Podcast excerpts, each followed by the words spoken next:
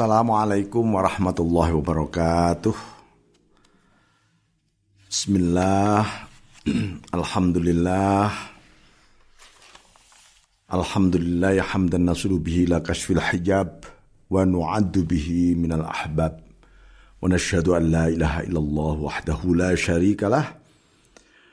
Wa nashhadu anna Muhammadan abduhu wa rasuluhu wa habibuhu wa safiyuhu wa khiyaratuhu min khalqihi بعثه الله بالنور السادئ والبين اللامئ والسيف القاطئ فبلغ الرسالة وأدى الأمانة وأوضح السنة وأسس الشريعة. ونصح الأمة وعبد الله حتى أتاه اليقين حتى أتاه اليقين. بسم الله الرحمن الرحيم. اللهم صل على سيدنا محمد عبدك ونبيك ورسولك النبي الأمي وعلى آله وصحبه وسلم. Tasliman biqadri azamati dzalika fi kulli waqtin wahin amma ba'd. Uh, ini bab mengenai apa sebenarnya ilmu ma'rifah itu apa ya sebenarnya. Mungkin kita bertanya atau Nah, Syekh Ahmad Ar-Rifai mengawali dengan sebuah hadis yang cukup indah sekali Qala Rasulullah sallallahu alaihi wasallam ati yaumal qiyamah babal jannati fastaftih. Fayaqulu khazin man anta? Faqulu Muhammad. Fayaqulu bika umirtu alla aftaha li ahadin qablak jadi ini riwayat ditakhrij oleh Imam Ahmad dan Imam Muslim pada hari kiamat, kata beliau, Rasulullah SAW, aku mendatangi sebuah pintu surga, ya pintu surga, aku mohon dibukakan pintu itu. Maka sang penjaga surga, Al-Khazin ini, bertanya, Man anta kamu siapa? Aku jawab, Rasulullah menjawab, Muhammad. Aku ini Muhammad. Sallallahu alaihi wasallam. Fayaqulu bika umirtu Allah aftaha li ahadin qablak. Oh, maka karena mulah aku diperintah untuk tidak membuka pintu surga ini ya kepada siapa pun sebelum kamu. Ini kata sang penjaga surga. Nah, jadi menurut para ahlullah ya, para al-arif, orang-orang yang ma'rifah billah maksudnya bahwa surga itu adalah pintu semua kebajikan. Itu surga. Nah, pintu seluruh kebajikan ini, kebajikan ilahiyah ya, yang begitu universal, tidak akan pernah terbuka kecuali dibuka oleh Rasulullah Shallallahu Alaihi Wasallam. Jadi siapa pun yang menempuh jalan kebenaran, jalan agama, jalan kebajikan, haruslah melalui Rasulullah Sallallahu Alaihi Wasallam. Ini menarik sekali penafsiran Syekh Ahmad Ar-Rifai karena itu Rasulullah disebut Al-Fatih, sang pembuka. Pembuka apa saja karena di, di balik seluruh kebajikan itu adalah pintu surga. Jadi kalau bulan suci Ramadan seluruh pintu surga dibuka, itu ada artinya seluruh pintu kebajikan dibuka semuanya. Nah, ini Al-Fatih likulli khair beliau itu sang pembuka bagi segala sesuatu yang bagus, yang baik, baik duniawiyun wa ukhrawiyun, ya, eh, duniawi, hal-hal yang di dunia maupun di akhirat. Uh, makanya di sinilah uh, ada sepoi-sepoi, ada sebuah angin spiritual yang disebut sebagai ilmu ma'rifah ya ilmu ma'rifat lalu hakikat ilmu ma'rifah itu apa beliau sebutkan bahwa hakikat ilmu ma'rifah itu adalah al ilmu billah ilmu tentang Allah, mengenal Allah. Itu namanya ilmu ma'rifat ya, ya begitu memang. Nah, jadi eh, sedangkan al ilmu billah, ilmu tentang mengenal Allah itu adalah nurun min nuri jalalih. Adalah salah satu limpahan cahaya dari keagungan Allah yang kemudian oleh Allah dimuliakan nur ini untuk hati orang-orang yang memiliki akal sejati. Bukan akal rasional belaka, tapi akal sejati. Ya, itu ada dilimpah oleh nur lalu dihiasi dengan keindahan eh, apa kebajikan ilahiyah. Nah, baru begitu dan agungnya makna di balik eh, apa itu ulumul ma'rifah atau al ilmu billah ini. Oleh Allah kemudian secara spesial diberikan kepada para kekasihnya, para walinya, para sufi-sufi agungnya ya. Dan eh, ditambah oleh Allah dengan keutamaan pengetahuan-pengetahuan uh, yang oleh kebanyakan manusia, mayoritas manusia ini diabaikan, bahkan disebut ghafilun, waktarun nas anhu ghafilun, lalai. Mayoritas manusia lalai tentang ilmu ma'rifah ini. Dianggap ini apa sih itu? Itu ya. Oh yang penting aku menjalankan ini dan itu. Uh, Mayoritas manusia tidak mengerti tentang detail ilmu ini, apalagi tentang mereka melupakan urgensi yang begitu penting di balik ulumul ma'rifah. Awaluddin ma'rifatullah. Akar, awal, keberangkatan agama ini adalah mengenal Allah. Nah, itu. Jadi orang-orang yang memiliki hati yang terbuka, dada yang dilimpahi cahaya oleh Allah, ini yang mengenal Allah sesungguhnya sebenarnya. Karena itu kalau Allah menyebutkan di dalam Al-Quran,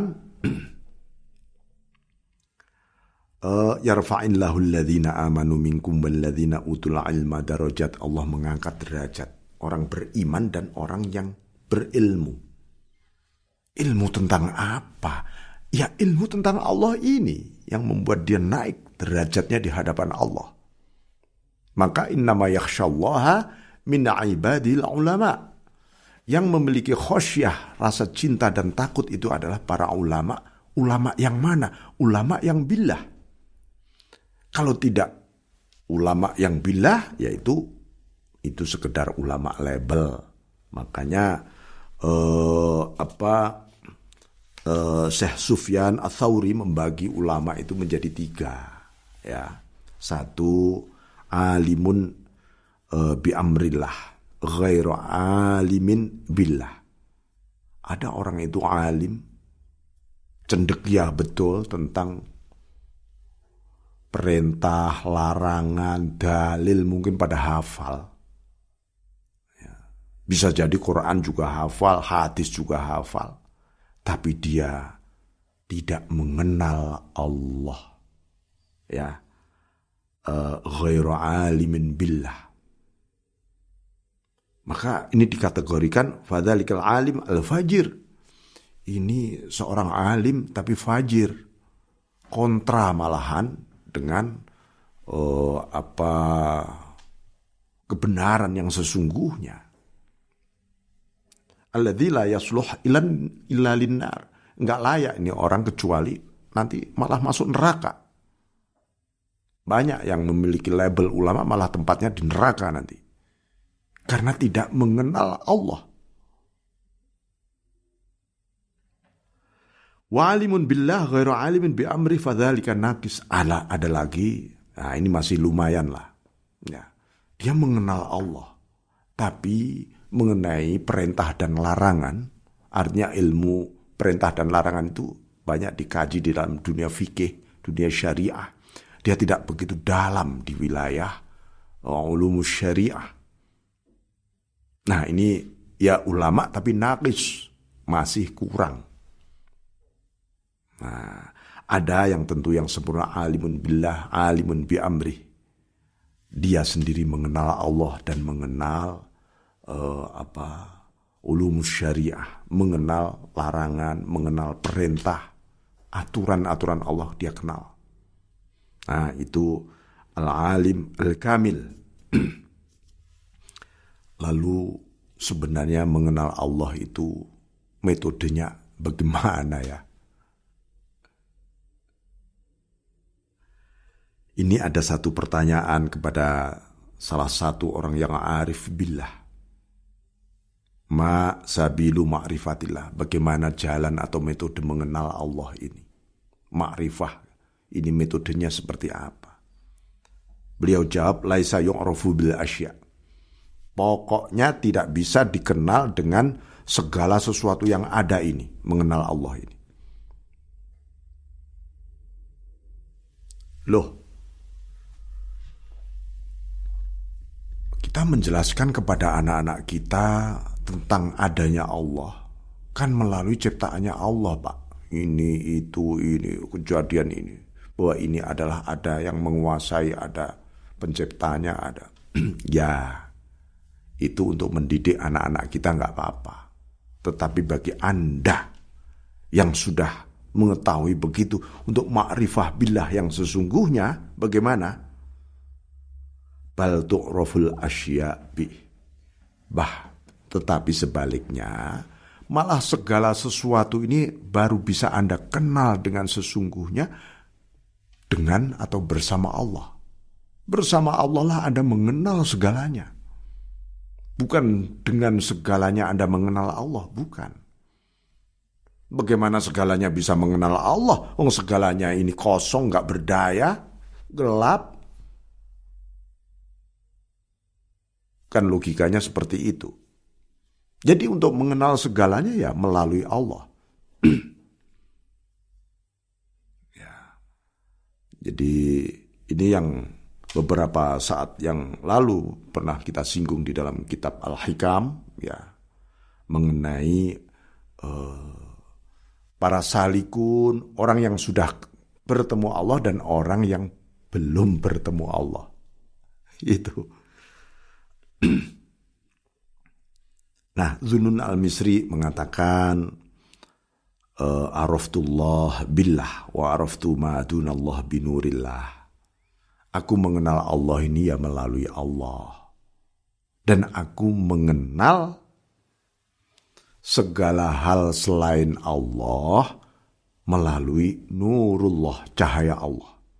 Dengan cahaya Allah aku baru memandang makhluknya Allah. Coba ini yang memiliki pandangan seperti ini kalau tidak orang-orang yang arif billah. Tidak ada. Memandang pengetahuan dengan pandangan ilahiyah. Bukan memandang pengetahuan untuk mencari Tuhan bukan. Nah ini. Inilah yang dikatakan oleh Abu Bakar As-Siddiq radhiyallahu anhu Ra'aitu Rabbi bi Rabbi. Aku melihat Tuhanku dengan Tuhanku. Artinya mengenal Tuhan, memandang Allah ya melalui Allah. Karena Allah lah yang bisa memandang dirinya. Makhluk nggak ada yang mampu. Nah, ini Bismillahirrahmanirrahim. Suatu ketika Robiah Adawiyah, salah satu wali perempuan besar, ya, bertanya kepada Zunun al-Misri rahimahumullah ta'ala. Kefa araftallah? Zunun bagaimana anda ini kenal Allah? Bagaimana caranya? Dunun mengatakan razaqanil haya wa kasanil muraqabah fakullama hammamtu bima'siyatin zakartu jalalallah fastah yaitu minhu. Zunun mengatakan, ya tiba-tiba Allah itu memberi limpahan rizki rasa malu kepadaku. Dan Allah memberi pakaianku pakaian murokobah. Merasa terus-menerus diwaspadai dipandang oleh Allah. Ketika aku punya hasrat sedikit saja, ingin maksiat, tiba-tiba aku ingat kebesaran Allah. Ya gak jadi. Lalu aku malu kepada Allah. Ini jawaban amaliyah dari Zunun al-Misri kepada Robiah. Nah yang terpenting antara lain ini juga dalam bab ini nanti mengenai bagaimana makrifah itu tumbuh. Tumbuh dalam diri kita. Tentu kalau tumbuh ini dimetaforkan dengan uh, syajaratul ma'rifah, pohon ma'rifah. Ya. Kasyajaratin tayyibatin asluha thabit wa far'uha sama. Seperti pohon yang indah yang akarnya menghujam dan cabang-cabangnya menjulang ke langit. Ini pohon apa kira-kira ya? Ya pohon ma'rifah ini. Ya. Bismillahirrahmanirrahim. Mathal ma'rifah kasyajatin laha sittatu agsan. Oleh Syekh Ahmad Ar-Rifai. Pohon ma'rifah itu ada enam dahan, eh, enam cabang. Ya, asluha thabitun fi ardil yakin akarnya menghujam ke bumi yakin.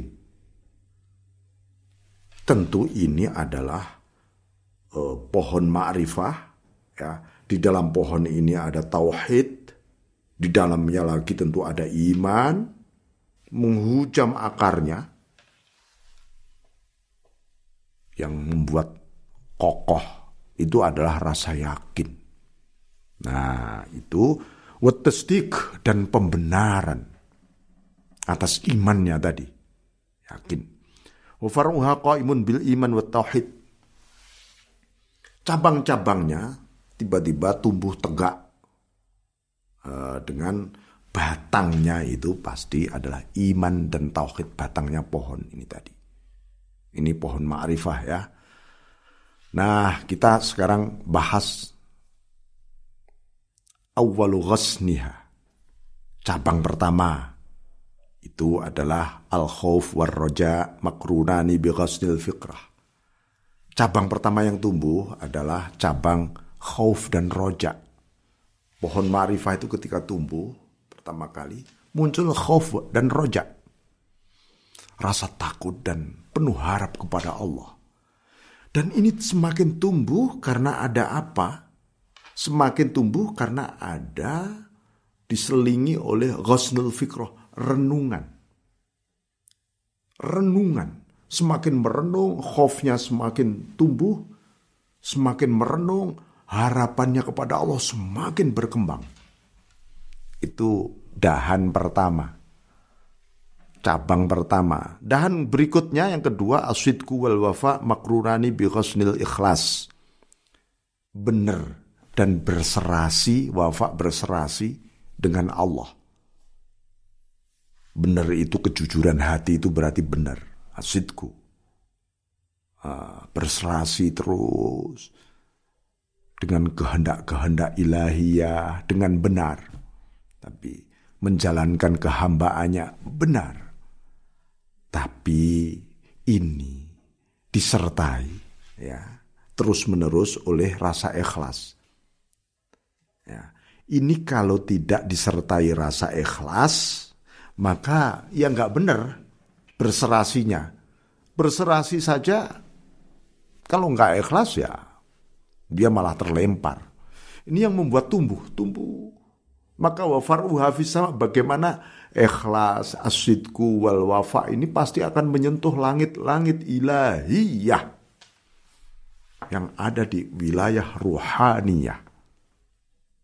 Nah, itu nomor tiga al khosyah wal buka.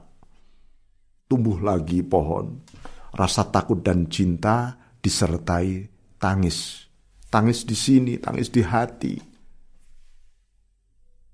Kalau toh pun meleleh air matanya, ya itu akibat tangis di hati. Bukan e, menangis karena ditangis-tangisin, ya atau e, karena supaya disebut menangis atau bangga karena menangis bukan itu. Buka ada di sini buka itu. Makrunani biqasni takwa disertai dengan cabang takwa. Ketakwaan ini yang terus menerus ya menyeimbangkan antara khosyah dan buka. Tumbuh terus nih, tumbuh. Nomor empat, al-qona'ah war ridha magrunani bi tawakkul. Qona'ah, ridha. Ini rumpun-rumpun pohon, ini rumpun-rumpun cabang ya. Rumpun cabang eh, apa itu qona'ah menerima apa pun yang dari Allah dan ridha, rela, tumbuh tiba-tiba. Tapi ini harus disertai dengan tawakul berserah diri. Semakin berserah diri, seseorang semakin ridho, semakin kona'ah akan begitu terus. Ya, ini nggak bisa dipisahkan. Nah, tumbuh. Dan terakhir, eh bukan nomor lima, at-ta'zim wal haya. Menghormati, mengagungkan dan rasa malu. Tumbuh cabang ini. Makrunani bighasnis sekinah. Disertai ditemani oleh tumbuhnya pohon sakinah. Pohon ketenteraman Ya, ini. Jadi orang bisa mengagungkan terus-menerus kepada Allah rasa malu. Kalau hatinya tentram, karena tentram bersama Allah. Tubuh ini. Nomor enam al-istiqomah wal wafa. Istiqomah dan memenuhi janji dia. Janji di hadapan Allah. Ya, ya, ya. Tapi disertai istiqomah tumbuh ini. Makrunani bi ghasnil wuddi wal mahabbah. Ini akan muncul istiqomah dan wafa ini kalau tumbuh rasa cinta kepada Allah. Istiqomah itu abot, al-wafa memenuhi janji-janji ilahiyah itu juga berat. Kenapa? Enggak ada wud wal mahabbah. Harus ada cinta. Ah, nah ini ini nanti setiap cabang ini terus berkembang, bercabang tiga, tiga, tiga. Malah nihayata, nggak ada habisnya tumbuhnya. Alangkah ini, tidak ada pokoknya tidak ada pohon di dunia ini seindah pohon ma'rifah ini. Ya, semoga tumbuh di hati kita pohon ini. Ya, Anda punya tanggung jawab, kita semua punya tanggung jawab merawat, menumbuhkan batang tauhid dan iman ini supaya kuat gimana, supaya tumbuh. Jangan sampai tumbuhnya cuma satu cabang saja yang lencir. Ya pohon yang indah harus rimbun. Seluruh cabang-cabang di balik pohon makrifah ini adalah menjadi tema-tema makomat di dalam ilmu tasawuf sebenarnya. Ya, seperti itu. Karena itu dari sini akan berbuah pohon. Setiap batangnya berbuah. Berbuah seluruh buahnya kebajikan semuanya. Tu'ti ukulaha kullahin. Makanya eh, buahnya selalu dimakan setiap saat oleh siapa pun berguna. Apa? Buah kebajikan. Buahnya khauf, buahnya roja, buahnya fikroh, buahnya mahabbah, buahnya oh, apa tawakal, buahnya ridho. Bayangkan. Itu semua adalah makanan jiwa kita. Jiwa kita selalu menolak makanan tentang materialisme, hedonisme, seksisme, syahwatisme. Itu bukan makanan jiwa kita, itu racun.